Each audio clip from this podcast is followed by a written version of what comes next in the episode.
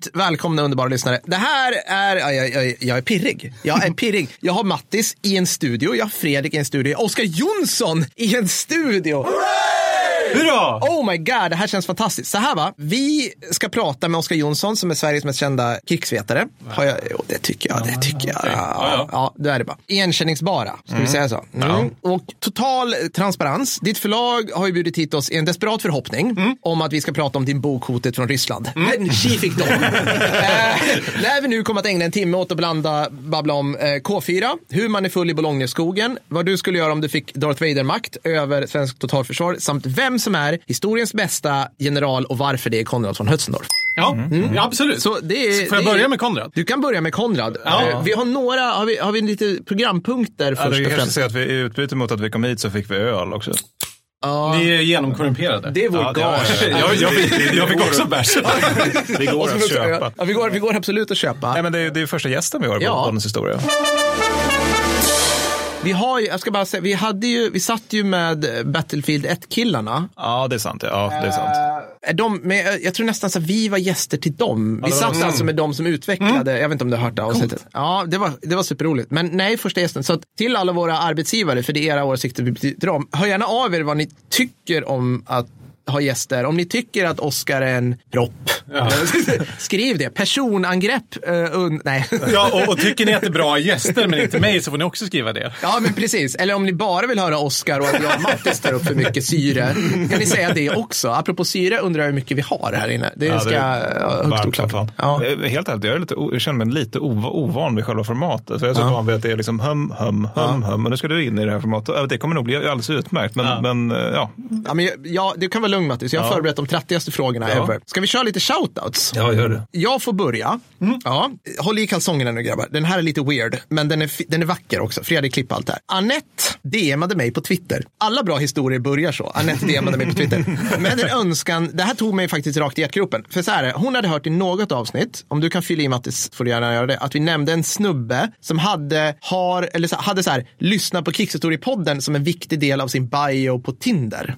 Okej, så vi tyckte det var Just kul. Ja, just det. Ja. Nu vill Anette inte vara sämre. Hon efterlyser en kar som delar hennes intresse om krigshistoria. Ja. Så det här är vår kontaktannons för Anette. Mycket bra. Mycket bra. Anette är 55 bast och bor i vackra Västervik. Kontaktas bäst genom hennes Twitter-handle. Ja, får jag måste, Ja, måste ja, bara ja. säga. Jag eh, var med i ett reportage i DN i helgen och så får jag ett mejl där så här, så här. Hej, jag heter XX, jag har jobbat som informatör i staten och jag vill bara säga, och så här kommer plot-twisten. Jag såg att du och din flickvän träffades via en datingapp. Vilken datingapp träffades ni via? Det ger mig hopp. Jag kan vidarebefordra kontaktuppgifterna till Anette.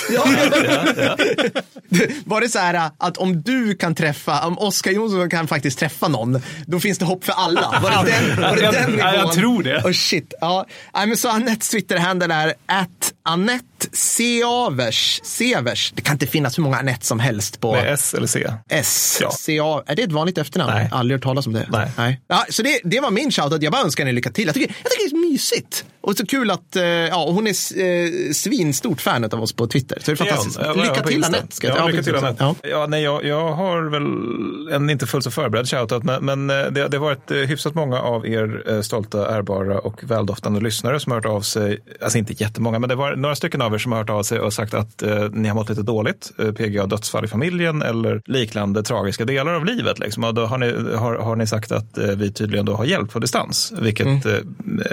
jag tycker är väldigt hedrande. Jag har sagt någonting liknande någon gång tidigare, men det är fortsatt hedrande. Så tack så Mm. hemskt mycket för att ni hör av er helt enkelt. Det var typ det. Jag känner mig lite förlägen som tar upp det här, men, men jag tycker det är väldigt Ja, men det är bra att du drar er ner sånt. stämningen lite. Nej, förlåt. Ber om förlåt. Det, det, Det- nej, det- men det är helt Som sagt, jag vet inte hur mycket du lyssnar på den här podden, men det brukar vara att jag berättar om någonting helt fasansfullt Mm. och sen så försöker Per rädda situationen genom att liksom säga, prata om någonting glättigare. Det är Ja. ungefär det som är vår dy- Gärna dynamik så här hö-hö i så här fel tillfälle.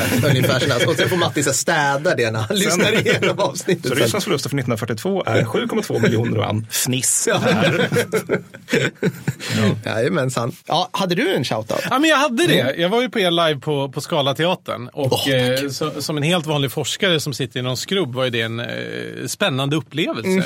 Era lyssnare, Krigshistoriepodden-lyssnarna, kom fram i, i mantal och bad om selfies och handskakningar Nej, och handklappningar. Och jag har faktiskt aldrig känt mig, eh, sen dess heller, liksom, eh, mer som någon form av kändis eller något sånt där. Det var som så fan. eh, tack till alla lyssnarna eh, och ursäkta om jag inte vet hur man hanterar selfies på ett bra sätt eller sådär.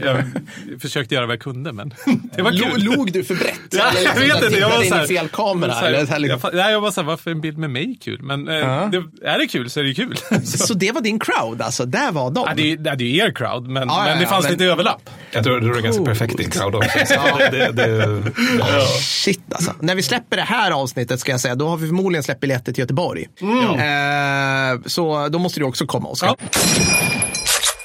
Hörni, vi börjar i helt fel ände, Oskar. Har du några frågor till oss? det är det här seriositetsnivån jag tänker lägga på den här eh, podden faktiskt. Ja, men jag har, jag har otroliga frågor till er. Eh, faktiskt. Och jag skulle vilja säga, vad är, eller först också kanske lite shout-out till er. Jag tyckte ert eh, avsnitt om varför Ryssland är dåliga på krig ändå är något som har stått tidens prövning här att ganska, ganska väl.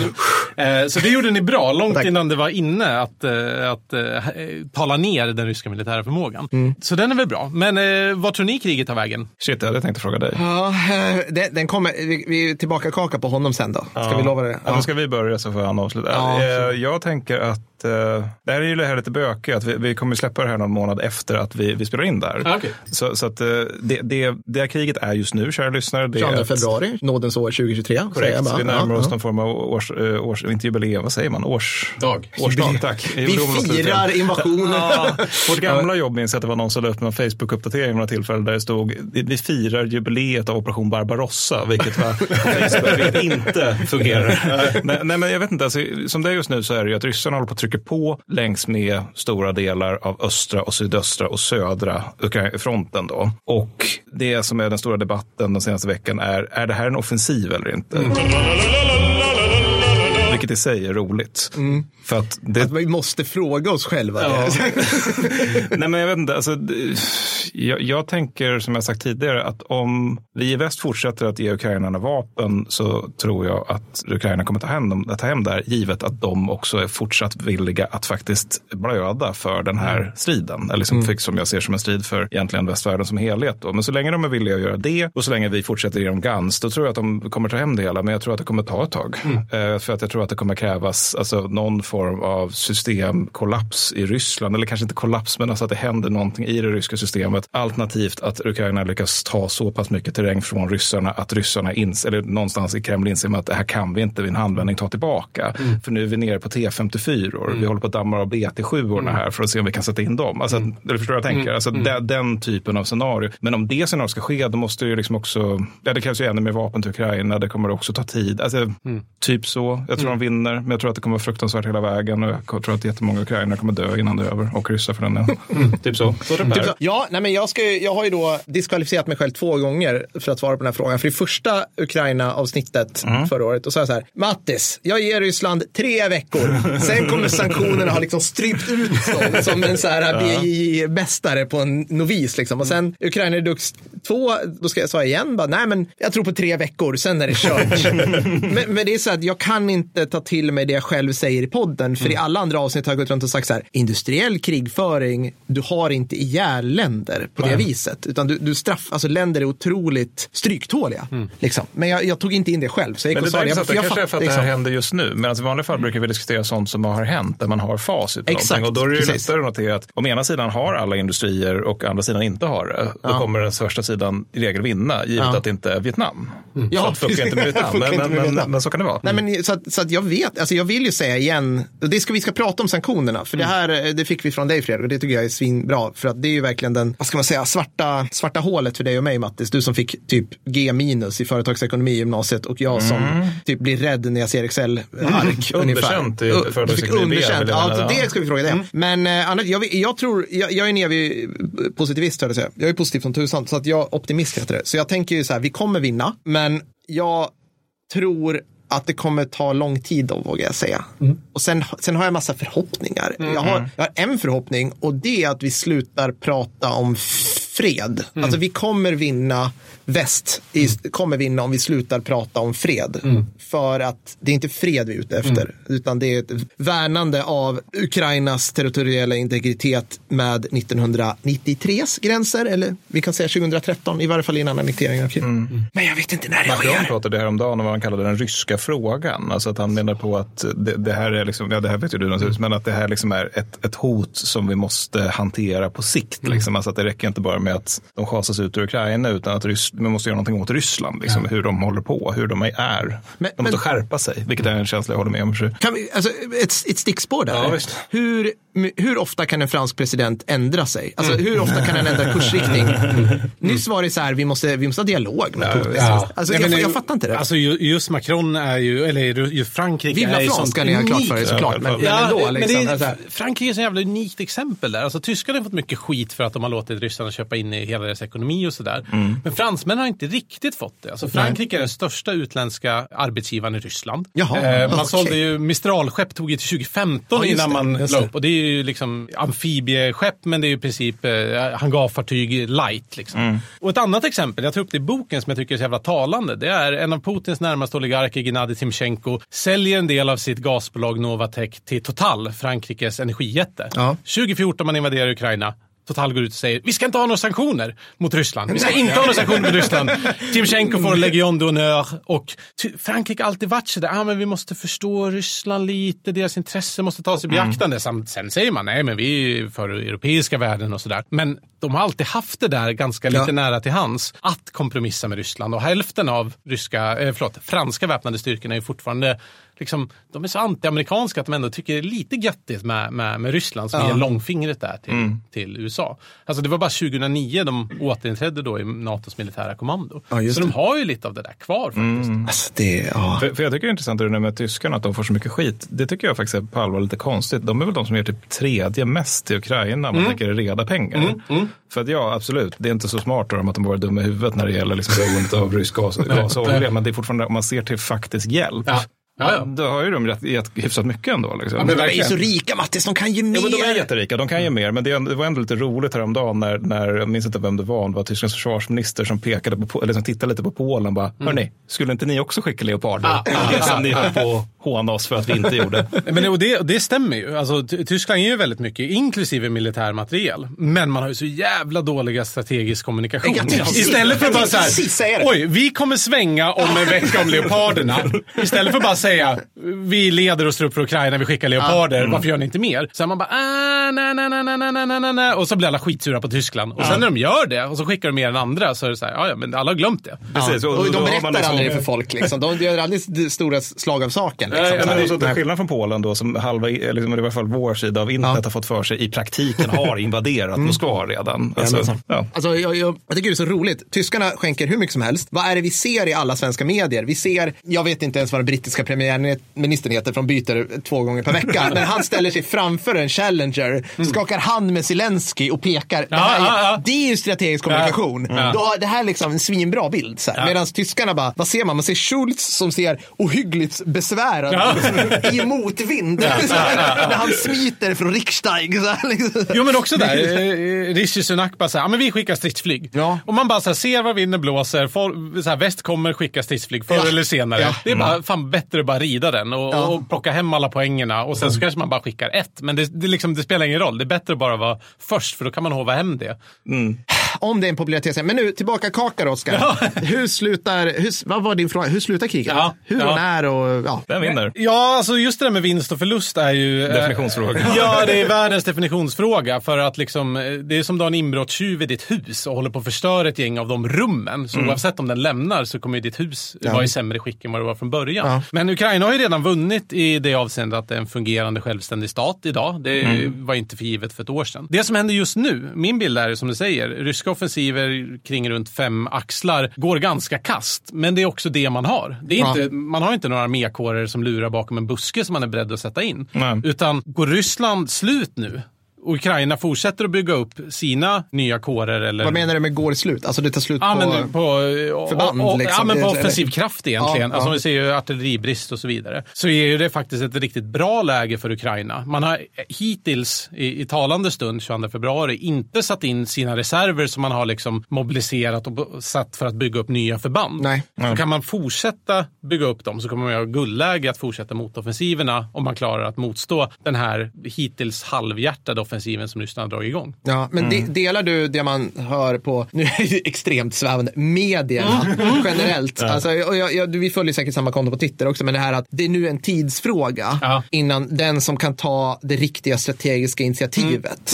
Men alltså, håller du med om att det är liksom en tidsfråga eller är det liksom, för jag, jag ser ju inte vart, jag, jag ser liksom, och det kan ju vara att man har bättre koll på vad som kommer å Ukrainas sida. Alltså vi pratar ju om att vi skänker, bara Sverige skänker 50, st- 50 stycken stridsfordon 90. Helt plötsligt kan de spotta fram en, liksom en, en, en, en liksom pansarbrigad åtminstone fastsatt av, sven, av västtillverkade vapensystem. Men jag ser inte samma sak på ryska sidan eftersom Putin inte har mobiliserat. Eller är det, är det en rätt tolkning av Eller, alltså, jo, situationen? men det finns liksom, väl eller? också, men det som dyker upp där är ju sånt här om att vi ska nu hålla på och modda T62 år. Aha. Utgivningsår 1961.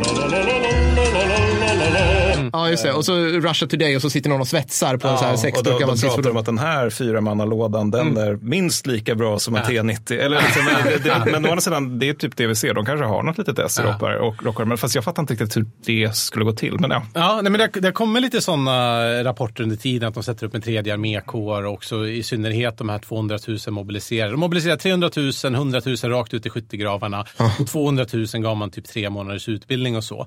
Som skulle, och det var det ukrainska generalstaben varnade för. Men det är ju de som är i kriget nu i essens och många av dem Liksom, har du utbildning så kan du försöka skickas in till ett förband för att bygga upp det igen och sen så ny, några nya organisationsenheter. Men mobiliseringen är ju inte avslutad så att man behöver inte liksom utlysa någon ny utan du kan fortsätta och det är min bild att man ganska lågintensivt försöker hitta rätt kompetenser och kalla in dem och så. Men jag, alltså så här, Ukraina spöade Rysslands professionella armé. Nu håller man på att spöa den mobiliserade armén och jag tror att klarar man den här anfallsvågen med bibehållen off- offensiv kraft så, så har man ett väldigt bra läge. För det där är någonting jag har undrat lite grann. För att jag, jag gör mig ibland otjänsten att jag försöker liksom komma ner i, i den del av internet som är ryssvänligt. Liksom. Och det är ganska spännande för man hamnar i liksom en helt separat världsbild. Då. Alltså att de ryska förlusterna, inte i stupad utan totalförlusterna ligger på 30 000 man. De ukrainska förlusterna i stupad ligger på 240 000 med minst lika många sårade. Det är typ bara polacker som strider för Ukraina. nu. 5000 NATO specialförband. Operatören är död. Operatören är död. Rysk, rysk trupp är, är, är trötta på döda. Ja, liksom. ja, ja, det, det ja. börjar bli tjatigt. Men, men de, de är ju väldigt mycket inne på det här med att nu, det är nu kriget börjar egentligen och, och, och för att nu har den här mobiliseringen skett. Och jag, det är på något sätt, det jag, jag kan för, för, för mitt liv inte förstå det resonemanget just som du säger att den professionella armén är död. Alltså varför skulle den här oprofessionella horden kunna klara någonting som den professionella inte har klarat? För det, det jag är liksom lite ute efter är, vad vet vi egentligen om deras förmåga att ersätta materiel? Alltså de fina grejerna har ju till stor del satts in med en gång. Alltså T90-varianterna och mm. tosettorna och allt det fina, mm. pansirerna, all, allt det här göttiga de kom med i början. Alltså vad, vad återstår? Kan de, kan de ersätta den typen av saker? Det är det så att de håller på att liksom skrota runt i postsovjetiska lager och letar efter vad de har? Absolut, nu håller de ju på och, och äter av vad som var liksom sovjetiska maktfundamentet, alltså de, liksom världens stö största vapenlager, eh, Ryssland. Eh, men man jobbar ju bakåt, mm. bakåt i lagren, bakåt i tiden. Eh, samtidigt så, så finns det ju, alltså ryska försvarsindustrin, vapenindustrin har ju en fördel mot den västerländska och det är att den inte är beroende av 23 olika länder för att få alla sina komponenter. Nej, Några high-tech-delar, men det har också undersökningar visat att man, man får in halvledare, man stockade upp sin åt helvete på halvledare november, december, januari innan kriget och så. Jaha. Och det går ju att bygga en, en, en Funkis T72 med halvdana halvledare. Du behöver inte, alltså du kan få eldskydd och rörelse Ja. utan att ha det mest fancy ettor och nollor som man kan göra med halvledare. Ja. Så att jag skulle vilja säga att, att tittar man på ryska vapenindustrin, takten där, producerar de ungefär 450 kryssningsrobotar om året. Mm. Ehm, det ger ju liksom någon salva i månaden. Producerar uppemot 40 moderna stridsflyg om året. Och där har man enligt Oryx online tappat... Vad är runt- moderna i det här fallet? Ja, Alltså jag bara, så här, det är men- inte SU-50. Alltså, Nej, eh, IL-2. alltså. Ja, ja, men liksom så här, Precis. MIG-19, nej men liksom. Ja, men det, det, det är ju en bra fråga, för hela ryska liksom, upprustningen som drog igång på riktigt 2008 sa ju att vi ska ha modern materiel. Ja. Och där, det är ju en tolkningsfråga. Där skulle jag säga att det är postsovjetiskt plus. Alltså Ja. so, sovjetiskt gammalt. Hottade MIG-29. Men, typ, någonting, liksom. alltså, men också så här, väst, väst skickar ju 90-talsgrejer. Ja, alltså, ja, ja, CV90 absolut. Ja. Leopard. Det, det skulle ja. jag säga är absolut modernt. Liksom, Ja, 90-talet ja. och framåt någonstans. Men så att nej, jag tror, jag tror att det kommer vara jättesvårt. Alltså, hade du dragit igång mobiliseringen i februari så att du hade hela tiden kunnat fyllt på i existerande förband med existerande materiel så hade du haft helt annat läge än om du låter liksom, hela enheter förintas och sen ska du försöka bygga upp dem från noll. Jag måste lägga till en annan sak också som jag tänkte på det här och det är att jag var nog kanske som mest pessimistisk någonstans senhösten här. När Ryssland hade fått in de här 100 000 mobiliserade till skyttegravarna och man hade stabiliserat fronten. Ja. Ukraina gjorde inga fler Var framsteg. det här efter, nu hjälp mig nu, Cherson. Charkiv, Ja. Cherson och Först Charkiv, sen Cherson. Ja, Ja, exakt. så var det. Ja. Exakt, Mm. september, oktober. Men sen november någonstans, när de här hade kommit fram till fronten. Stopp på ukrainska framgångar Mm. Ja. i, i, Ja. i eh, Charkiv, där vid Kremina, Svatovjed. Där, där går ju Ryssland till motanfall nu. Mm. Samtidigt som man börjar den strategiska bombkampanjen mot ukrainsk elförsörjning och vattenförsörjning framför allt och, ekonomiskt. Alltså där var det så här, bara vi håller ut, förstör alla förutsättningar för att leva i Ukraina, Mm. så kommer vi vinna med tiden på vår sida. Ukraina klarade det, mycket på grund av västligt luftvärn, mycket på grund av eh, makroekonomiskt stöd från Europakommissionen. Och nu är egentligen vintern över och nu är jag ändå mer positiv för att eh, liksom, det är någonting med det där att varje gång Ryssland liksom räknar med att vi gör något riktigt jävla hemskt och sen så ger väst upp så blir det istället att vi gör något jävla hemskt och väst dubblar sin effort. Ja. Och det är bra, men det hade man inte kunnat tagit för givet för väst var så jävla splittrat 2014 och sen dess också. Liksom. Later today, we will present a package of massive and targeted sanctions. We will target strategic sectors of the Russian economy. We will weaken Russia's economic base. Cutting banks off will stop them from conducting most of their financial transactions worldwide and effectively block Russian exports and imports. Men det där är någonting som jag, det är intressant att ta upp för, för att det där är någonting jag funderat också lite grann på. Och jag tog upp det på livepodden som du var på. Är Just, och, och det är tur att jag gjorde det för Perun sa exakt samma sak nästan eh, för, för någon vecka sedan. Och det är skönt att vara honom för, för honom. Snyggt Mattis. Yes! Ja. Nej, men uh, narcissism till trots. Nej, men alltså just det här med, är vi ett läge nu där en rysk seger ändå är en förlust? Alltså att där, där, de, om de lyckas säg, ta Ukraina, eller i alla fall ta det de tycker att de har annekterat Ukraina, att de ändå liksom har försatt sig själva i en situation som är så pass negativ för dem att de inte kan, alltså man inte med bästa ja, ja. vilja kan se det som en seger. Men Ja. det du egentligen frågar där, det är ju så här, Håll med mig, är det Ja, jag ja, egentligen frågar. ja, Men det-. Jo, men, men det, är- det är egentligen frågan är så här, kan Putin utmåla det som en vinst? Ja, fast nej, än- för, är det för det, det det, tror jag han kan göra lite oavsett hur, hur, hur han... Jag tror han alltid kommer kunna vända vad som helst till en vinst. För att han har sin jävla slavmekanism till, till media. men- som, men- men, Ja. mer som, en, som en någorlunda objektiv bedömare kan se som en seger. Men jag, jag, jag håller helt med och det är det som jag tror är en av de stora tragedierna i det här kriget. För att även om alltså Rysslands militära och, eh, målsättning just här och nu verkar vara att ta hela Donetsk. Alltså någonstans startar man med det för, för ett år sedan och säger att det är folkmord i Donetsk och Luhansk och vi ska reda ut det. Men även om man tar Donetsk och så slutar man kriget och så går man hem till eliten, till folket och så bara säga, ja hörni, så ja, eh, 230 000 dödade, skadade, eh, ekonomin kommer gå riktigt dåligt, politisk isolering, men vi fick lite, lite sönderdelade delar av Ukraina. Visst var det värt det? Som vi nu också måste bygga upp från Ja. scratch. Ja. Att det är liksom en likstinkande askhög. Och, och när han då skriker ut så här, hörni var det värt det? Så ställer sig folket inte upp och ropar ja! Utan de var så här, nej. Och det tror jag, den after action reviewn, tror jag kommer vara så extremt svår för Putin att möta. Och det tror jag är en anledning att, att även om liksom de skulle ha framgång i den här offensiven så tror jag det skulle vara svårt att sluta kriget. För att då kommer man sätta sig ner och bara säga, japp, hur gick det här då? Men vad, vad är alternativet? Alltså för det, Ja. för det här, ja, men, Bra för det fråga. här har jag också fått någon sån här, äh, jag har ju gått runt och bara så här, jag är så trött på att, alltså så här, men det här, vad ska man säga, de mjukare frågorna kring det här kriget är typ så här, ska vi ta emot så här ryska vapenvägrare som försöker fly till väst? Kommer ni ihåg det? här? Det var liksom bilder från finska gränsen mot Ryssland. Och jag har varit rätt mycket så här, precis som jag har varit till, ja, som den pöbelhöger jag är och varit så här, varför, varför har vi Nu blir det väldigt utsticket, nu klipp allt det. Men, typ så här, vi, ja, men vi, har, vi, har, vi har svenska medborgare med kurdiskt ursprung som åker ner och strider mot IS i Kurdistan. Vi har väldigt få afghaner som åker hem och slåss mot talibanerna. Så här, varför har vi inte det? Varför kan inte ryssarna nu bara... där? Men då var det någon som skrev, återigen på Twitter, som sa jag har jobbat med ryska, ryska så här, politiska alternativ i så här, 20 år. Jag har rest runt i hela Centralasien och hållit på med det här. Och det finns inga för att det finns inga, det finns ingen, det finns ingen som kan samla upp tyngdpunkten i det här. Så då tycker jag, om, man, om det stämmer, då kommer ju folk säga så här, nej det var inte värt att vi bara fick Donbass. Men jag knyter näven i fickan och går hem. Eller förstår du vad jag menar? Vad- Men tror du att det finns någonting, vad, vad kan effekten bli utav det? Då, liksom? Ja, nej, men jag tror att det där, är, det där är en svår fråga. För liksom, någonstans så, liksom, hur ska kriget sluta? Ja, ett, ett alternativ är förändring inifrån i Ryssland. Ja. Men är det någonting liksom, Putin-regimen har lagt 23 år på Mm. så är det ju att säkerställa att det inte blir någon folklig uppresning eller att det inte blir någon elituppresning. Utan han har tagit de mest lojala personerna han kan hitta Ja. i hela landet.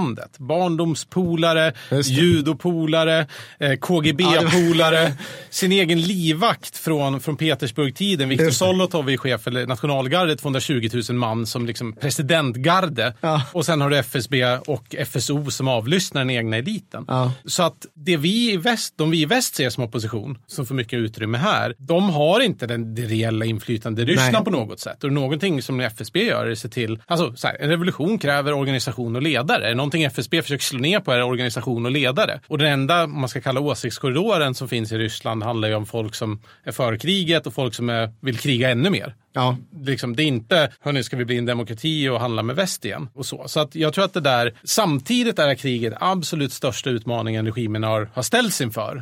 Men de har också byggt 23 år på ett system där de har kontroll på så mycket som möjligt. Ja. Men, men är inte också någonting som Putin har lyckats med att skapa någon form av generell likgiltighet i Ryssland? Alltså, Du, du har säkert också läst Peter Pomerantsev. Han, han beskriver ju väldigt väl där liksom hur, hur det är ett system där liksom ingen bryr sig på Nej, något sätt. nej. Där, där, där liksom ingenting riktigt är viktigt eller verkligt där man hela tiden liksom, det enda som är konstant, allting förändras hela tiden och det enda som är konstant är att Putin sitter Ja. där han sitter. Ja, och det där är ju ett problem för att under Sovjetunionen så hade du en mobiliseringsregim där hela folket skulle mobiliseras i ideologin. Medan Putins år vid makten har ju varit en avmobiliseringsregim.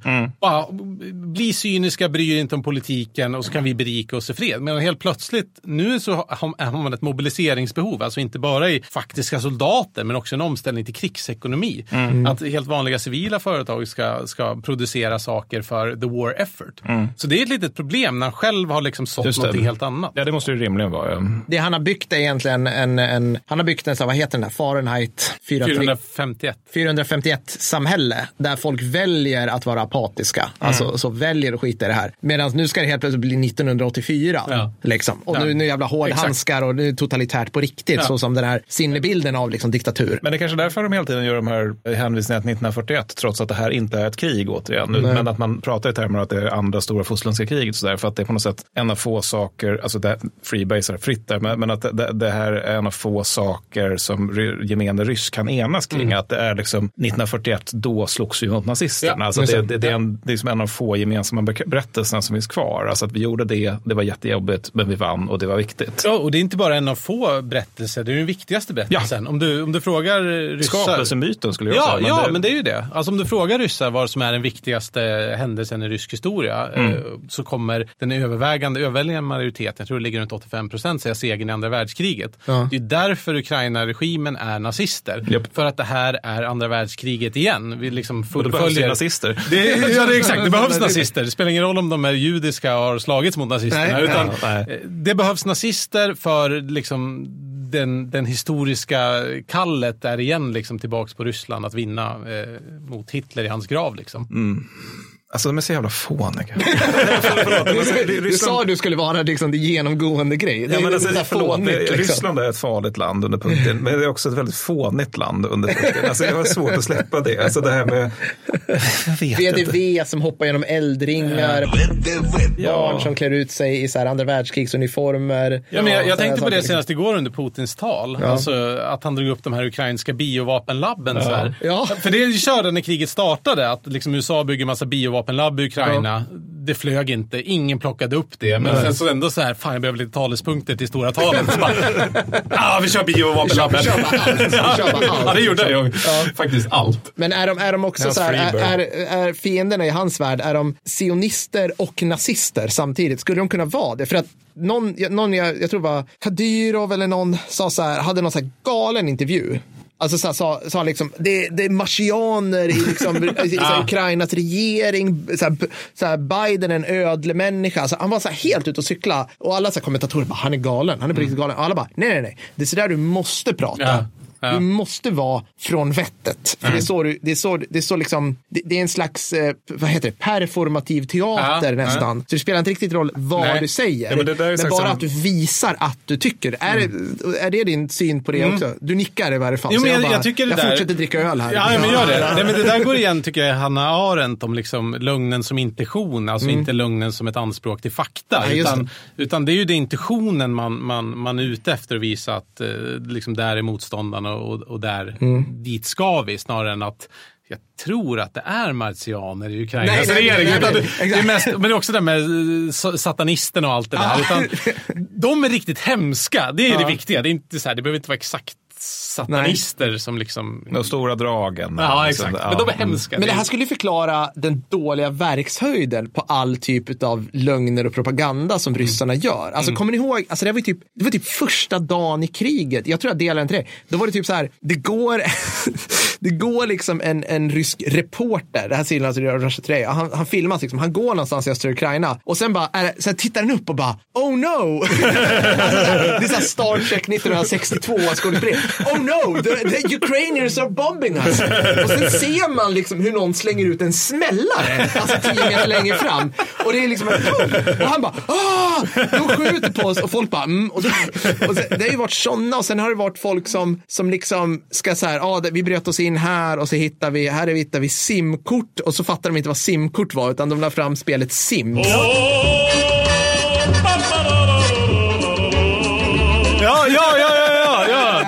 Ja. ja. Och, alltså, alltså sådana där grejer, liksom, om och om igen. Det är så trattigt. Alltså, det är, det är en galenskaperna-sketch. Men, men du Men, men det är är också, så, det, förlåt instick, Ja. men det är också den här ganska, det har vi tagit upp tidigare någon gång, men den här ganska tydliga liksom, fallhöjden mellan hur man pratade innan kriget om hur ryssarna kommer äga informationsarenan Ja, ja, ja, i framtida ja, krig. oh liksom. Alltså att de, kom, liksom, de kommer äga allting, Ja. men inte minst just internetkriget. Där Nej, bara, så, ukrainarna hittade TikTok och vann på walkover. är ungefär det ja, men, men är det också som att, som att liksom, ska man säga, Rush, cheferna på Russia Today bara, vi bara gör de här. Det spelar liksom ingen roll om det är så ohyggligt trattigt så att alla i hela västvärlden skrattar åt det här. Det spelar liksom ingen roll. Vi visar ju att vi ljuger med.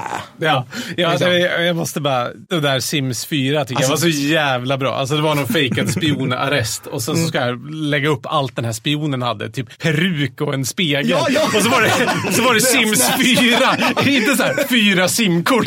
Utan Sims 4. Ja, Det är så helt var det otroligt. där också typ så Boris. Johnson hade deltagit i specialförbandsoperationer mot oh. Cherson-området eller något sånt. Det är för att det var något ja, det har jag inte sett, men det hade ju varit, det hade, ju, det hade jag betalat för Alltså att det, se. det, det har varit för mycket 2022 för att jag ska veta Ah, om, om min stämmer eller inte. Men, Ja, nej men min bild då Mm. eh, kring de här informationsoperationerna är ju, det som har rapporterats i media är ju att Peskov, Putins talesperson, Mm. träffar media ungefär en gång i veckan och så ger han de stora liksom, linjerna. Att Mm. väst är ute efter oss och sen är det något specifikt, typ NATO är lika med kärnvapenskrig Mm. eller NATO-utvidgning är lika med kärnvapenskrig. Så liksom säger han det till stora redaktörerna. Mm. Det här är det. Och sen så får de ju artistisk frihet såklart att själva försöka hitta någon, någon, någon bra vinkel på det. Men, men jag tror att det är ändå därför det finns en, en koherens i, i termer av budskap. Om, Ja. om än inte en, en liksom fantastisk leverans på alla de här delarna. Så. Det här avsnittet har ju hittills blivit alldeles för seriöst för jag har tänkt. Jag ber om ursäkt Jag har kära lyssnare. en seriös fråga. Nej men nu har jag en Okej, oseriös ja. fråga. Okej, Eh, Då- du- vi tar den först. då. Ja, jag har ju jag, jag har varit i Cambridge en kortis bara när vi kände någon som var doktorand där. Det var fantastiskt. Jag hade aldrig druckit så god öl. Och du Mm. var ju på Kings College. Hade de också bra öl? Liksom? Hur mycket drack du? Eller liksom vad, ändrade dina ölpreferenser? Ja, ja, gud ja. Alltså, jag, jag, jag var faktiskt en, en relativt seriös student, men bredvid Jag tyckte du säga biblioteket... öldrickare. ja, det, ja, fantastiskt. Ja, men det också. Ja. Eh, bredvid universitetets bibliotek, Ja. där, eh, fun fact, eh, Harry Potter spelades in, alltså Dumbledores kontor var på Ja. universitetsbiblioteket. Men bredvid där fanns det Knights Templar, riktig så här storkedjepub. Där kostade det 5 pund 80 för en burgare och en ale. Alltså, Det är bra. det är helt Det är otroligt. 80 I, Sverige får du inte ens en bärs för, för, för de pengarna. Liksom. Nej, Ja, man går på de här hemska ställena som Mattis tvingar Ja, gå på ja, hela men- tiden. Så, Snackar om det kostar 75 spänn. Det är bättre hipsterhak om jag får det. Du tänker på de där som finns på Södra Läskigaste station. Pizzerierna där allt på kostar Söder. 29 Ja. spänn. Och för ytterligare 40 spänn får en plankstek som innehåller typ så här åsnekött och barnarbete. Nej, de ska vi akta oss för. Nej, men så, så det passade bra. Alltså, vi Okej. satt ofta och pluggade till typ åtta på kvällen, men sen så drack vi alltid bärs. Och det tycker jag är så trevligt i den brittiska kulturen. En, en brittisk kompis, han förklarade så här att man går inte till puben liksom, som en, någonting man har bokat in och gör. Man går till puben om man inte har något annat att göra. Ah, det vill säga att det, det. är det andra vardagsrummet. Också för att alla bor skitdåligt och det är kallt och sådär. Ja. Så går man till puben. eh, så det, är så här, det var så jävla trevligt att liksom, tre, fyra gånger i veckan. Sen var det ofta slut på fredag och lördag. Så sov man bara för att man kunde göra det sociala på, på veckodagarna. Skittrevligt. Men det låter toppen. Ja. jag, jag, jag har sagt det till min fru att så här, äh, om, jag, om det här går riktigt bra, nej jag ska inte. Jag, jag skulle vilja skicka mina barn när de från att de är typ så här 14 Mm. till att gå på typ där Cambridge eller de här. Bara så att pappa kan komma dit Mm. och bara gå runt i de här miljöerna och säga hej kära dotter, har du det bra? Pluggar du? Jag bra? Jag går och dricker lite Alltså, så här, Det var så jäkla mysigt. Ring Det var om- ring om det är något. Ja, jag tycker det. Och, men när du var, du var i USA också. Jag har läst din bio. Jag har Oj. gjort pyttelite research inför det här avsnittet. Så lite som möjligt. Och det är klart, nu är det historiskt med en gäst. Precis, och där var ju ändå sam, där var det Berkeley. Ja. precis. Så där rökte ni väl på istället då helt enkelt. Det var väl det som var, eller ja. Jag, kan, jag har inte brukat någon narkotika Nej, ja, i, bra, Ber- i bra. Berkeley. Det var rätt, det var rätt svar. Men det är vanligt Ja. Mm. i Berkeley. Det är det man gör. Men jag misstänkte det. Eller jag, jag, ja. Mm. Jag bara Check. slog så att vi kanske borde liksom presentera, börjat med de här frågorna istället, där man presenterar gästen. Ja, men nu ger vi Fredrik lite att göra. Nu får Ja, han klippa ihop det här. Ja. This is fine. I'm okay with the events that are unfolding currently. Nej, men jag tycker inte det. Hur skulle du vilja presentera dig själv förresten? Kan du definiera dig själv? Ja, ja, absolut. Din könstillhörighet är attackhelikopter. Ja, ja absolut. Ja, precis. Mm. Pronouns we them boys. Bra. Nafu. Nej. Ja. Ja, men eh, helt vanlig eh, Rysslandsvetare, krigsvetare. Otroligt vanlig. Nej, det tror jag inte. Oskar. Ja, Sluta. relativt. Man får inte säga så, för det är väldigt oödmjukt att låtsas som det. Men jag känner mig väldigt vanlig. Så. Ja, ja. Det, är ärligt. Det är inte Ja. bara säger för show. Nej, ja, men eh, kul. Ja, vi, vi, du är utmålad som, vad är det ni kallas, den här trojkan. Du, Gudrun Persson och Paasikivi Mm. som någon som, så här, he, den heliga Rysslandstrojkan. Liksom. Men, men är inte det, är inte det, typ, är inte det säga Martin symptomat? Krag borde vara med där någonstans också. Ja, det är möjligt. Jo, Ja, skitsamma. ja, men var, han, En kvartett. En kvartett. en kvartett. Ja. Ja. men är inte det så här symptomatiskt för svensk media? Jo. Alltså nu spyr jag över gammal media, men liksom så här, det finns inget hot, allting är pansarvagnar och sen bara, vi har tre personer som nu kommer berätta sanningen för oss alla kanaler vi kan uppbåda någonsin, hela tiden. Så här. Liksom, jag säger inte att det är fel, men det måste ju vara, jag har någon fråga i det här, så du får plocka den från när den kommer. Men liksom att det har ju gått verkligen, alltså vi har ju ändrat 180 grader nu. Så att hur var det liksom innan 24 Japp. februari 2022? Ja, men det, jag, ska, jag ska väl börja med, och, och jag vet inte om jag avväpnar i nästa fråga, men jag tyckte er mediakritik i, i septemberavsnittet om Ukraina var otroligt spot on. Ja, tack. Alltså Tack. det, det, Vad sa det, vi då, Mattis? Vi, vi, sa, vi pratade om att eh, rapporteringen består antingen av gummor som säger att det är förfärligt att någonting har sprängts och att det är väldigt mycket human interest och ganska lite vad händer Ja. liksom rent operativt. Ja. Ja, tack. Ja, men, och det, fin, det, finns, det finns ju mycket att säga om det, men jag, så här, i synnerhet första månaden av kriget så var ju i princip varenda intervju så här, vad händer? Varför händer det? Vad, händer är, härnäst? Vad är Ukraina? Ja, ja, ja, men exakt så här. Vad är ett vapen? Eh, medan så här, nu, nu kan en journalist bara ringa och säga, men du de här 50 CV90, varför skickar vi inte våra stridsvagn 122 och eh, är, Ja. det, är de för tunga? Du vet, så här. Ja, ja, ja, ja. Det, det har skett en del. Men eh, sen tycker, jag tycker det finns mycket lustigt där. Alltså I Danmark så hade du ett program, typ en timme varje dag när du satt någon gammal general och diskuterade liksom exakt vad det går. Och jag tycker det är lite av ett problem att så här, än nu så är mediebevakningen ofta så här, fyra minuter. Eh, Så här, dunk, ge, ge några hotta takes. Snarare än så här, fan vi skulle behöva fördjupa oss lite i vad, liksom, för förutsättningar behöver man för att genomföra en offensiv och vart är Ryssland Ja. nu? Ja. Att det är, det är för lite fördjupning. Jag har frågat någon gång, typ, jag vet inte om det var på Aktuellt eller något sånt bara så, ah, men det är lite jobbigt med retention när det är längre program. Liksom, utan det är lite Men kort. eh, sitter inte du, nu, för jag kollar inte så mycket på men se- du blir aldrig inkallad till liksom, typ Agenda och de här, liksom, alltså längre, eller det, Ja. det finns väl sånt? Ja, har ja. dålig koll. Liksom. Jo, men där, jag, jag har nog varit med ett par gånger, men det var nog framförallt under våren. Ja. Eh, men jag tycker att jag är förvånad att det inte liksom så här, snabbt gjordes ett stående program. Typ Ja, ja. En timme i veckan. Ja. Med fördjupning om olika delar. Ja. Sveriges Radio, nu tänker jag tipsa om en annan podd, men det är, det är Sveriges Radio och alla här som lyssnar betalar skatt. Så ni har, ni har rätt till det Fredrik, här. men det- finaste vi har fått sedan land. Så de har ju eh, radiokorrespondenterna i Ryssland och där går de igenom typ en 40 minuter Jo, men jag- varje vecka. jag- Så det, Där har varit med ett par gånger och jag tycker, det, jag tycker det är bra. Och det är inte bara så här, ja, jag träffade Nej, en det det taxichaufför i Tashkent. Nej, Så, det, nej, det okej. är det inte. Det är inte. Okej. Nej, utan de, de, brukar, de brukar eh, gå tillbaka. För, för jag kan uppleva som ett problem som det är nu med mer rapporteringen är att den är väldigt begränsad. Ja. Alltså att det finns ju, säg då radiokorrespondenterna i Ryssland. Men i övrigt så är det ju som att man mer beskriver nu kommer nya vapenleveranser och det, det är liksom ganska lite om vad, vad Ja. händer Ja. så, Ja. Vad, vad behövs och ja, men som du sa, vad behövs för att genomföra en offensiv? För det finns antingen det eller så finns det hela det här YouTube-träsket där man har så här combat veteran reaction. här liksom så att man utifrån osint-kartor försöker liksom skildra vad händer dag för dag och det är också ganska Snuttifierat. Ja, men det är också ganska meningslöst. Ja. Det, det är så här, ja okej, de tog en lada i närheten av Bachmut. Ja. Okej, Ja, det- så det bra. finns liksom- och, då, och så, så ja. en thumbnail när någon håller för så här. Och ser jättechockerad ut, vilket är typ den grymmaste aspekten med det moderna kriget. Att liksom så att ollon på YouTube ska stå och göra en meme-thumbnail för att få klicks när Ja. folk dör. Men, Ja. men Nej, men då, det är ju en enorm affärsmöjlighet till de som gör fördjupande poddar. Oh, crap. I, i, i, i, liksom, Ja, inom du, du krig sitter ju och här och sådär. frågar om öl. Så, så att jag tar ju verkligen tillfället Nej, i men, akt här. jag menar? på- Så att det, ja. det finns antingen det där liksom nästan ingenting eller Ja. också det här väldigt, väldigt detaljerade som Ja. är så detaljerat att det nästan inte betyder Ja, någonting. men jag, jag håller med. Jag håller med. Och jag tycker det är, ett, det, det är ett litet problem. Jag tycker man skulle funderat på det i, i rapporteringen. En annan sak som stört mig, nu svarar jag inte på din fråga Nej, här, utan nej, är nu, nu ventilerar jag mina Ja, kör, sorger. kör. Nej, men en annan är också så här att du, du, du sätter ju sällan eh, experter bredvid varandra och så ställer en öppen Nej. fråga. Typ så här, ah, men hur länge tror du Putin-regimen håller ut? Mm. Och så kan man liksom så här, ah, men jag tror det funkar så här och så här. Medan att det är alltid så här, Ja, men du, nu är du experten. Nu har Ja. du fått så här, ja, expertmössan på sig. Ja, nu får du prata i fem minuter om hur du tycker en aspekt är. Medan det intressanta är mer, fan, sätt tre experter bredvid varandra och så ge 15 minuter. Bara så här, ja, men vem tror ni kan vinna? Eller hur tror ni offensiven kan gå? Alltså, det är ju resonerandet som, som man får en insikt. Ja. Medan det, det tycker jag faktiskt saknas helt. Ja, och, och, Men det där är ju, det där är ju som Ebba Witt-Brattström för länge sedan be- beskrev i en, en, en, vad fan var det? Det var någon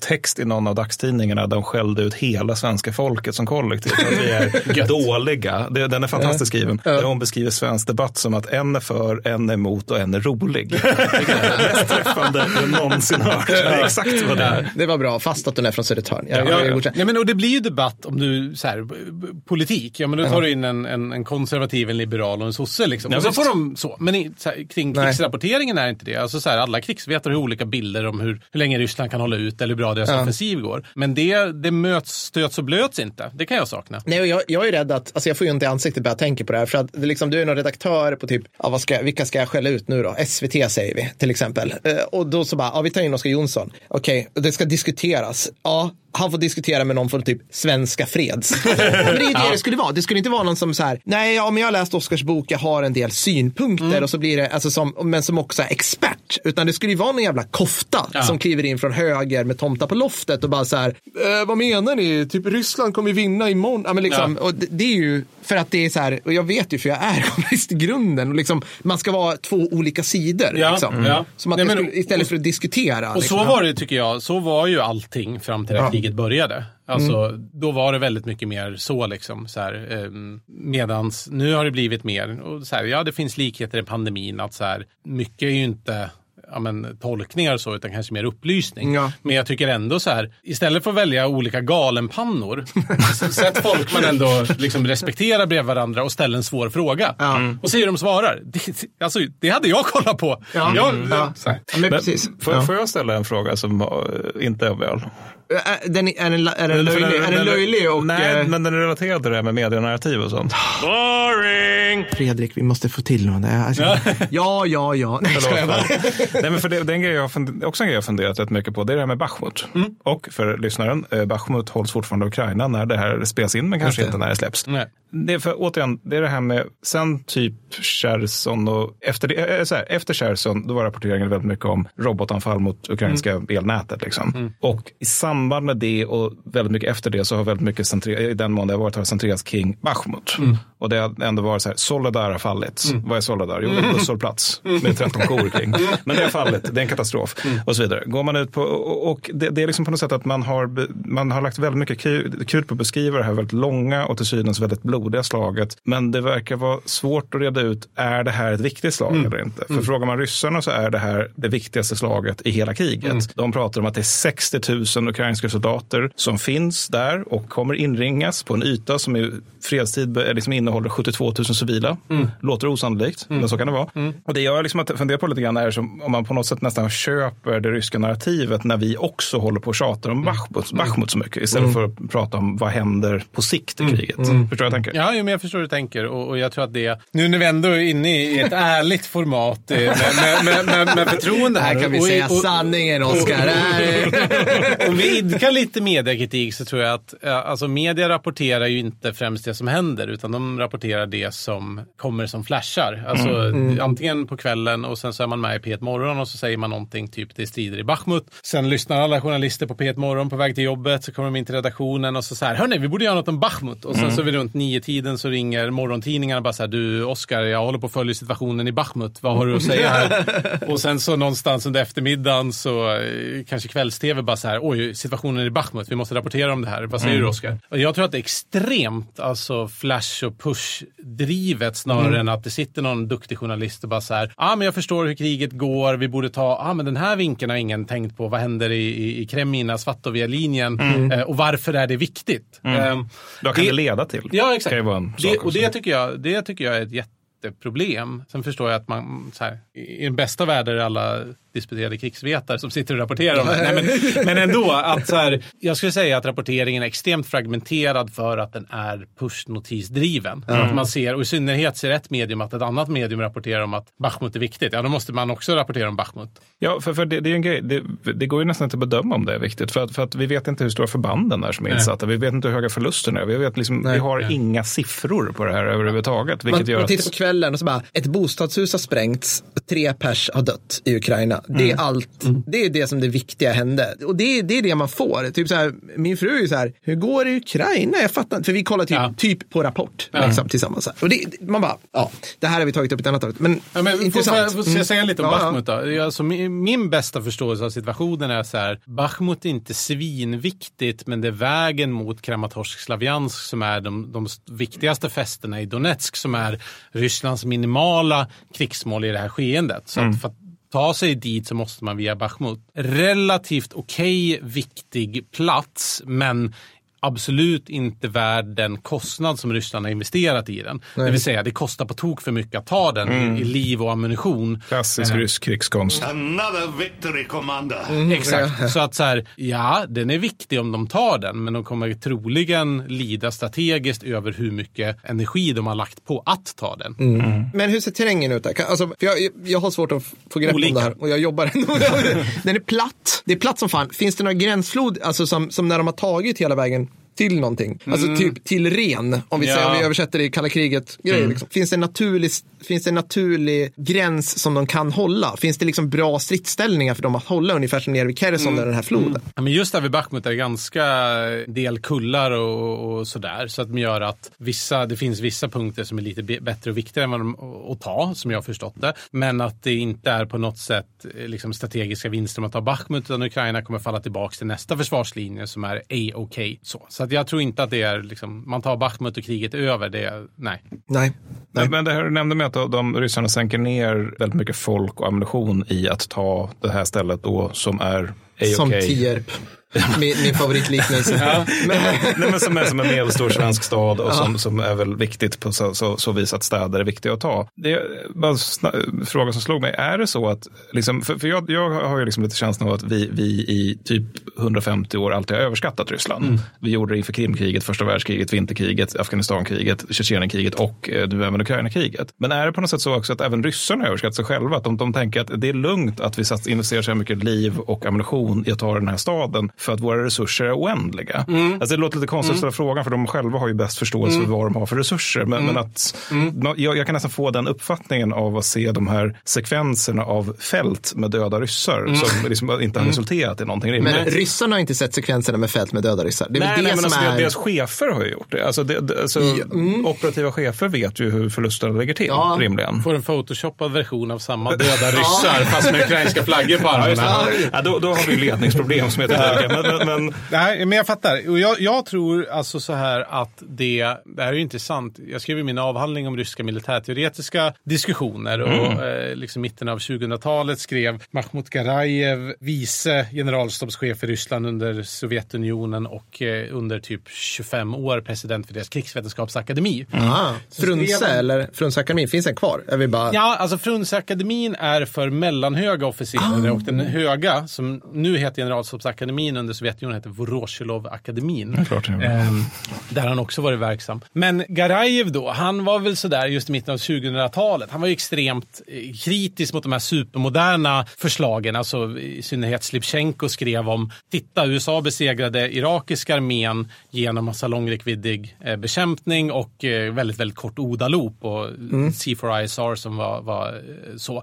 Vi måste göra om allting och bli liksom high-tech-krig. Medan då Garajev var så här, nej, är det på något sätt Ryssland vinner krig så är ta det... bajonett, skrika ora Ja. och sen... Tycker det var insiktsfullt. Puljadora stick maladjets. Kulan är en dåre men, men bajonetten är en god vän. Ja, just det. Det är. Ja, mm. Pratar Men du alltså- ryska förresten? Det är också... Ja, lite sådär. Ja, okej. Det är ingen frågat det har jag sett någonstans. Så det är bara så här... Ja, men nog- det, det har frågat. Men det är en annan historia. Jag kan ta den också. Nej, men i alla fall. Och då säger han så här. Nej, men titta hörni. Ryssland har vunnit krig på industriell förmåga, uthållighet och mobilisering. L- Lär av våra lärdomar. Och han, han har ju också skrivit historien om 1941. Så, eller en historia. Ja, ja. Boken med stort B. Ja, typ, men eller? lite så. Ja, han, okej, är, ja. han är lite, jag vet inte om vad vi har Sverige, kanske Wilhelm Agrell eller något sånt där. säga, ja, men liksom, vi läser väl så här Max Hastings. Ja, alltså ja. så här, alla farbröder, så här, andra världskriget. Ja. Eller, Ja, men Anthony Beaver Beaver. Fast han var ju praktiker också. Ja, men, men lite det, och där, och där är vi idag. Och, och jag har intervjuat folk som har liksom studerat vid den ryska generalstabsakademin. De säger det så här, skittydligt vad man, vad man lär ut. Man tittar på andra världskriget.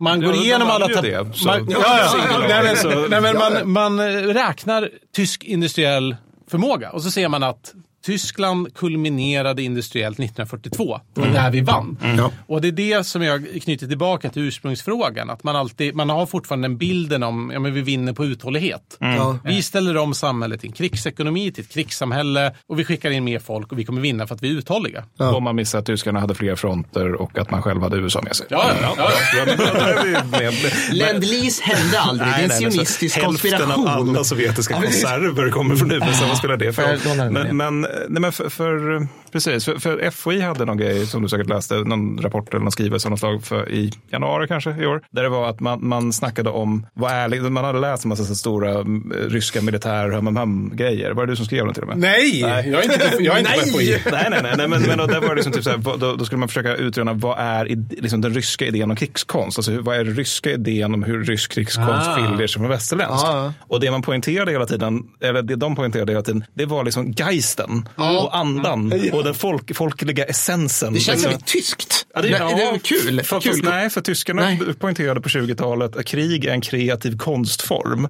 Ja, ja. Eller alltså nazistiskt känns det ju absolut. Jag tycker det känns ja- japanskt. Liksom, alltså att via liksom vår, våra inneboende överlägsna egenskaper Ah. som folk så kommer vi kunna trumfa materia. Alltså det var typ Mm. det som var slutsatsen. Det här är det de själva tycker är det som gör att de vinner krig.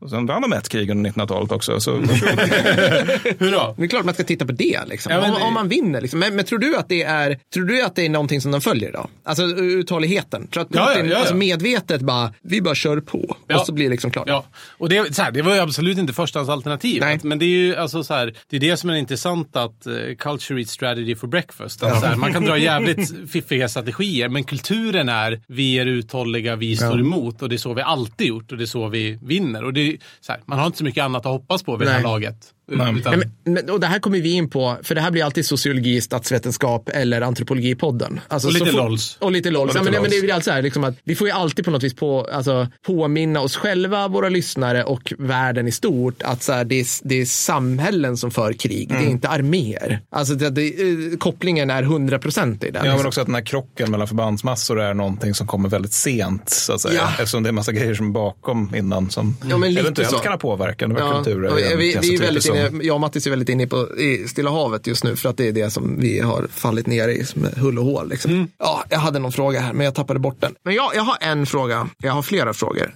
Som jag, som jag, så här, jag vill, det är mest för att du har en sån snygg sägning som jag undrar, din, jag undrar om den är din sägning. Mm. Så här, jag, I någon intervju, jag tror det här kan vara med svenskan, så säger du typ, när ryska staten inte är korrumperad, den ryska staten är korruption. Just det. Korruption är systemet. Korruption är det. system. Precis, det ryska systemet är inte korrumperat. Korruption är system. Jag tyckte det var, jag, jag, blir, jag har flera reflektioner där. Ett, det är på något vis känns det fel att inte jag har fått ut mig den formuleringen i över hundra avsnitt i den här podden. Så jag blir typ arg när jag läste den. Nummer två är liksom, känner jag så här, det här finns lite i din bok, men kan du lägga ut texten lite kring just det? Och jag, jag kan inte ta eh, originator cred för den, men jag vet inte heller vad jag har hört det. Så men jag eh, ger den så till dig, ingen, så- ingen, ingen har kommit och klagat än så Nej, länge. ja, men bra, men, bra. men eh, jag tror att en sak som öppnade ögonen för mig är om man lever i ett korrupt system så ser man inte nödvändigtvis korruption som ett problem, utan det man vill ha som vanlig medborgare är klara spelregler. Alltså, om du måste ge en flaska vodka till läkaren för att, för att få en eh, läkartid, Vodka. då vet du det. Då har du förutsägbarhet. Medan det jobbigaste för folk är när du är mitt emellan system. Där det ska vara ett system men det funkar inte. Men du kan inte riktigt heller ge den där flaskan vodka för att få läkartiden så du vet inte. Nej. Men eh, det här handlar ju fram, framförallt om, om, om toppen av det ryska politiska systemet. Låt mig bara ta ett exempel som jag tycker liksom talar allting. 2003 slängde man Rysslands rikaste man Mikhail Chodorkovskij i fängelse, tog kontroll över hans, Rysslands största oljebolag Yukos. Dess största dotterföretag, Juganskneft, såldes på auktion. Från ingenstans kommer enbart en budgivare, Baikal Finans Group. Ingen någonsin hört talas om det. Putin säger grabbar, det är lugnt. Eh, bakom Baikal Finans Group står Gennadij Timchenko, som jag nämnde tidigare. Som, Var det eh, livvakten? Nej. Nej, det var han som eh, sålde eh, delar av sitt bolag till Total i Frankrike. Ah, It all makes sense. Tim, Tim, Timchenko köper det. Fyra dagar senare säljer han det till Igor Sechin, då Putin-rådgivare och bland annat känd från då den personen som när Putins exfru Ludmilla låg för döden på sjukhuset efter en bilolycka och man inte fick tag på Putin var han som satt bredvid Ludmilla och höll Ludmillas hand. Ah. Alltså, vi pratar om en lojal person här. Ja. Han får vad Bra som sen blir delegera till en underhuggare Ja, förut. mm. ja, men han, han visste inte om det, så det var den de fick tag på. Okej, så Sechin ja. fick göra det. Ja, det var inte så att han var bara för upptagen. Nej, ja, ja, de fick inte tag på Ja, förlåt, jag ska inte tramsa. Nej, men och Sechin får Rosneft, idag Rysslands största oljeproducent. Ja. Liksom, producerar olja, säljer dem 10 dollar fatet, går in rakt i hans ficka och hälften av det går till Putins ficka. Rosneft säljer alla, all handel med oljan till Timchenkos Gunvor som då också får 10 dollar Vänta, sa fatet. du. Gunvor? Ja, det heter hans exportföretag. Gu- Gunvor. Gunvor. Alltså, Som en äldre tant i medelsvensk Ja, stat. kan i mellanstadiet. Ja, fantastiskt. Jag vill bara, jag vill bara. Nej, men, och, ja. och så har Putin-regimen successivt tagit kontroll över alla de viktigaste delarna av den ryska ekonomin. Ja. Alltså, helt plötsligt kommer det till en Putin-nära oligark och där kan du göra enorma pengar. Alltså, för varje oljefat som går iväg så får Timchenko och Rosneft kickbacks som Ja. också går tillbaka till Putin. ja. Det är vad jag menar. Men bra, men, men bra. Och vi håller oss kvar i ekonomin. Nu blir jag så här äh, övergångspär här. Men äh, där ska vi vara. Varför, Oskar, fick inte jag rätt när jag trodde att västs vattentäta, extremt snäviga sanktioner som kom. Jag, jag tror EU är inne på sjätte Nej, jag drar till med någon, eh, nästan tvåsiffrig sanktionspaket. Va? Today, we're turning up the pressure with a 10th package of sanctions. With this, we have banned all tech products found on the battlefield, and we will make sure that they don't find other ways to get there. Varför har inte det strypt ut Putin? Nej, men det är för att det tar, det tar lång tid. Okej. Rysk ekonomi, framför allt såklart fossila bränslen. Och det tog ju liksom halvår innan man började fasa ut dem ordentligt. Och sen de andra delarna, utländsk restinvestering och inhemsk konsumtion. De har ju lidit enormt. Ja. Får jag bara fråga, bara för att det här är absolut inte för, jag förstår exakt vad du menar, det här är för våra stackars lyssnare. Ja. Utländsk restinvestering, är det, är det typ så här H&M lägger ner all sin verksamhet och så försvinner en massa stålar där och så? Ja, exakt. Mm. Ikea Ja. bygger inte upp nya varuhus. Nej, men och sen så tar det, alltså så här, dels är frågan om stater kan gå bankrutt överhuvudtaget, men, men det är en akademisk diskussion som det heter. Men, men sen så sker inte det direkt, utan Nej. så här, folk får mindre pengar att handla för. Eh, folks arbetsgivare går sönder. Ja, du får gå på a-kassa ett tag, men sen måste tillräckligt många gå på a-kassa för att a-kassan ska bryta ihop och då Ja. börjar vi prata om den typen av, av kollapser. Gazprom gjorde under första halvåret 2022 dubbelt så stora vinster som de någonsin har gjort. Alltså det flödar in pengar i ryska statskassan. Och därför tror jag att den direkta delen Nej, de kommer inte gå i konken direkt. Medan det långsiktiga, alltså Ryssland har det mest basala, energi och mat. Men så här, folk som har vanliga, så här, jobbar du på ICA och sen så helt plötsligt så tappar ICA 40% av sin försäljning, ja då kommer det börja sparka folk. Och när alla ICA och Coop och Willys börjar sparka folk och så går de på a-kassa. Det, det är den effekten som jag tror gör att ryska ekonomin är okej nu, också för att man har enorma reserver. Men på sikt, när det här börjar krackelera, ja då krackelerar det ordentligt. And it is the Kremlin that has put Russia's economy on the path of oblivion. That is the price for Russia's and Putin's trail of death and destruction. And I want to make it very clear. The sanctions are here to stay. Men, men, men det här är jätteintressant för att all form av ekonomisk, alltså alla gånger man tittar på, på kriget ur någon form av ekonomiskt perspektiv, då tittar man på exportvaror. Alltså så här, vad får ryska staten in för pengar? Ingen har ju tittat så här, eller jag har inte sett det någonstans, ni får rätta mig om jag har fel, men jag har aldrig sett så här, vad fan jobbar den genomsnittliga ryssen med? För nu säger du så här, du, du ger ju ett så här svenskt exempel, handel. Ja, alla vi känner all, massor med människor som jobbar inom handel och tjänstesektorn, för det är det vi har i Sverige. Och typ så här, en av tio, någon känner någon som jobbar och faktiskt skruvar ihop typ en lastbil på Saab. Men vad jobbar ryssen med? Liksom? Ja. Har du koll på det? Ja, exakt. Vad jobbar ryssen alltså, med? Vad jobbar ryssen Ja, med? men liksom? olika. Ja, alltså, vår, rygg, vår ryggmärgsreflex är ju alltid att säga att det är med när ryssen jobbar med att liksom grä- gräva upp potatisar ur en leråker. Ja, men precis. Självhushålls... Ja, vi skriver ju alltid som ett extremt sam- Ja, precis. Och samhälle. men- växelvarm och går och lägger sig i sitt gryt. exakt ja. precis. Men, samtidigt är det så att även om man har den typen av vad Maud Olofsson kallade enkla jobb så, är det väl att Åh, Maud. även då påverkas man ju givet att man är en del av en global ekonomi, Ja. vilket Ryssland är. Alltså att, jag menar, du kanske jobbar med att gräva upp potatis ur en åker, men det kommer fortfarande vara så att du säljer de potatisarna till någon. Ja, exakt. Och sen kommer du vilja köpa badbollar för de pengar du får ut av det överskottet. Ja, och de oj, säljs inom form badbollsindustrin av marknad, det vill säga typ ett ICA. Alltså jag har ju Ja. varit en del i Ryssland, så jag har ju sett att det finns affärer. Alltså jag vill bara liksom Ja, det att vi kan börja på den Ryssland. nivån. Ja, För nu är vi inne i, alltså nu ska ni grabbar, nu ska ni vara med om att vi, nu är vi i åsiktskorridoren som vi skrattar åt. Men nu börjar ju folk tro på det vi skämtar om, Mm. att Ryssland är växelvarma, försöka se genom sälja. Ja men det är ju på riktigt, Mm. alltså det är där vi är snart liksom. Ja, du menar här att russofobin har blivit comme Ja, ja, i, i svenska samhället? Ja, ja, jo, visst. jo, jo, visst. alltså, vi, vi, vi är en hårsmån ifrån att liksom Uffe, Uffe, Uffe ställer sig och bara så här, ja men det här, det här är liksom insekter. Alltså, Nej, nu ska jag inte vara så, men, men på, det är så vi funkar som svenskar. Vi går ju verkligen 180 grader och Ja, nu är vi på väg med raketfart i, i din riktning, Oskar. Eller, liksom, eller nej, men, liksom i, i den riktningen som ni varnade oss för på ett sätt. Jo, men eh, där, och, och där Vad är jobbar ryssar med? Där, jo, men och där, där övertolkar vi lite ibland på grund av att Ryssland kollapsade under sanktionerna. Just det att så här, säg uppemot 500 000 liksom high-skilled techarbetare lämnade Just Ryssland under våren. Och sen Ja. var det ju en miljon man i vapenför ålder som lä- lämnade kopplat till mobiliseringen innan man införde utreseförbud. Mm. Och det gör ju att mycket av det som vi tänker kring en viktig dynamisk ekonomi, alltså innovation och IT och sådär, ja men det, det är lite borta liksom. Ja. Men sen, jag har inte exakta siffrorna utan så här, ja, det är industri, det är jordbruk och det ena och det andra. Men, men de viktigaste drivkrafterna, alltså återigen utländsk direktinvestering. Jag berättade att Frankrike var största utländska arbetsgivare. Det har bland annat med Auchan, alltså deras eh, matvarusnabbhus, Ja. liksom så här, ja, men det, det försvinner, Ikea försvinner, H&M försvinner. Och sen är det mycket inhemsk konsumtion. Alltså det är, det, är det finns ju ekonomi även i svenska småstäder, men det handlar om att Va? folk går Nej, på. Ica och, och, köper en pizza och sådär. Ja. Ehm, så så att jag, jag har inget mer högupplöst svar än så.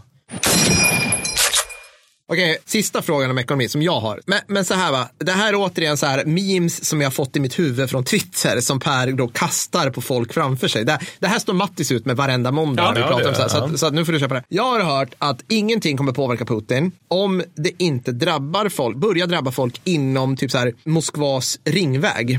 Stämmer det? Nej. Nej, okej, Nej. vad bra. Nej, det gör det. Nej, vad skönt. 2012 när Putin kom tillbaka till makten så gjorde han en ganska medvetet val att Ja. egentligen skippa den urbana medelklassen. Där kan man se tydligt tilltagande nationalism, konservatism och så vidare. Ja. Som är mer poppis i liksom hela landet Ja. men inte den här liberala kosmopolitiska eliten som går och, och liksom dricker kaffe på italienska kaféer i Moskva Nej. och så. Utan den Men ute i de här småstäderna i Ural, där Ja. man liksom har en stridsvagnsfabrik, där går det hem. Liksom. Exakt. Att, att det var ganska medvetet väljarmaximerande har han ändå gett upp den, den, det, det väljarsegmentet. Ja. Så att jag skulle säga att det, det är liksom den välborgade medel, övre medelklass-ivan innanför Ringvägen. Nej, det skulle jag inte säga är det viktigaste. Okej, intressant. Mm. Det, det, är liksom inte, för det kommer ju, det kommer ju sådana här grejer om att någon brittisk journalist gjorde det, som det typ var en snygg vinkel. Han, han gick runt i typ centrala Moskva och bara, what the fuck, vi säljer fortfarande Bentleys. Mm. Typ så här, Barbor har affär öppet. Alltså vad är det här? Vad är det här? Ja. liksom så här.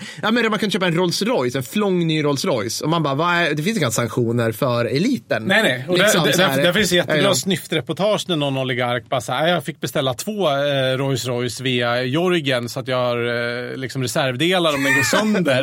eh, och så. Men det är nu inte så många som, som har den möjligheten Nej. riktigt. Så. Jag kan slå dig med snyftreportage. Mm. Det här har absolut inget med Ryssland att göra, men det finns ett su- suveränt, det är ingen blogg, men det, det är typ en, en högt uppsatt taliban-tjänsteman i Kabul. Bara, alltså det här med att sitta på kontor och administrera en stat, gud vad tråkigt.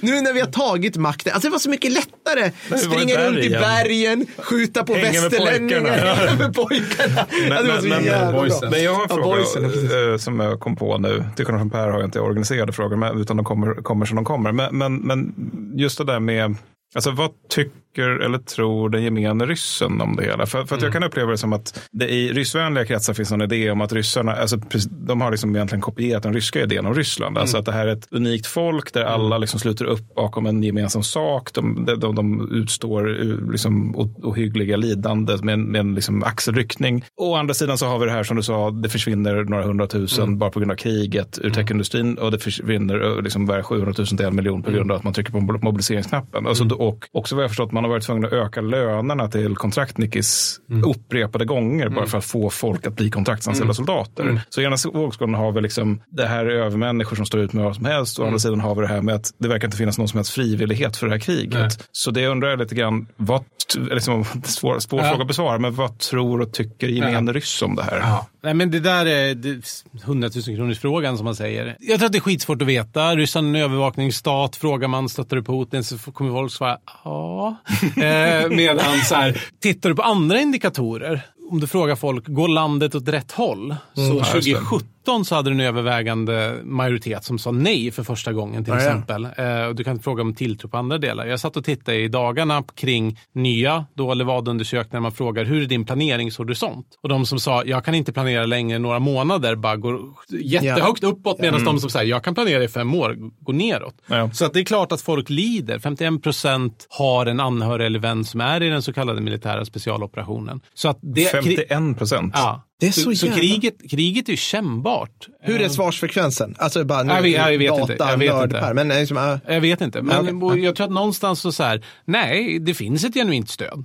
Så här, det finns en, en, del människor som tror på det som sägs och, och liksom så här, eh, ja, men det här är ett bra krig och det är existentiellt och så. Sen finns det de som aktivt är emot det och det är de underrättelsetjänster slår ner på. Men den stora massan sen Sovjettiden är apatiska. Man har aldrig sett liksom, politiken som ett sätt att förändra sitt välmående utan det är ens vänner och ens familj som man håller ihop med. Makten där- är som vädret, det är någonting man inte kan påverka Ja, och håller sig undan när det är ja, dåligt. Liksom. Och, och liksom, även om det är riktigt dåligt så, så här, ja, det var någon som du vet började kasta molotov på, på militärkommissariatet och det var en annan som sköt rekryteringsofficeren för hans vän hade dött. Mm. Men ändå i det stora hela är snarare bristen av det. Så här, det var protester i 120 städer när kriget drog igång, men de har dött ut.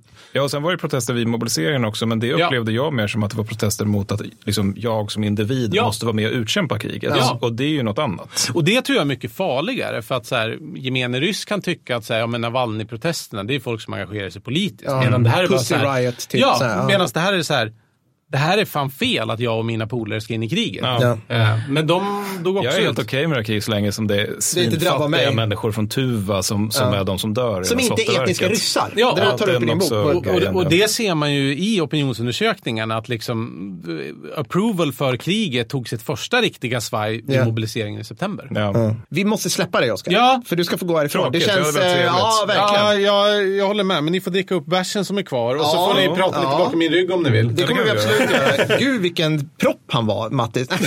Förlåt, jag trodde du hade stängt av. Det är väl ändå Eh, lyssnarnas eh, Har vi, som får ja, bedöma det är det det. verkligen. Ni får höra av er, kära lyssnare och underbara Peter. Har vi, har vi ställt er lite mot väggen? Har du fått lite svårare Nej. frågor än vi brukar? Nej. Ni får ta uppföljning. Det måste vi, det måste vi faktiskt göra. Hörrni, Jag ska ska ni fortsätta? Vill, vill du bidra eller vill du avsluta med någonting? Vill du plugga din bok till Nej, men- exempel? eller? nej. Nej. Nej, den är väl okej. Alltså, vi gör något vet. Ja, det- Den kommer säkert sälja bra. Det tror jag också. Bra vi se. titel på boken. Ja, det gillar vi också. Sådär ja, fantastiska lyssnare. Eh, lite bättre ljud på mig, eller sämre, jag vet inte. Det där var alltså den underbara Oskar Jonsson. Förstår ni hur roligt vi hade det? Mm, öl. Hörni, hans bok heter som sagt Hotet från Ryssland och finns det, ja men jag antar där bok, böcker finns. Vi får absolut inget pengar för att prata om den här boken, men jag tycker den var bra, det jag har läst hittills. Och vi hade otroligt kul att prata med honom, så då vill vi liksom smörja honom lite grann så vi kan få tag i honom igen. Det var det och eh, jag hoppas verkligen att ni uppskattade det här. Vi gillar att ha gäster har vi kommit på som är bra och det var Oscar. Så vi har gärna det igen tror jag. Ja, jag tror det. Ha det så fantastiskt bra.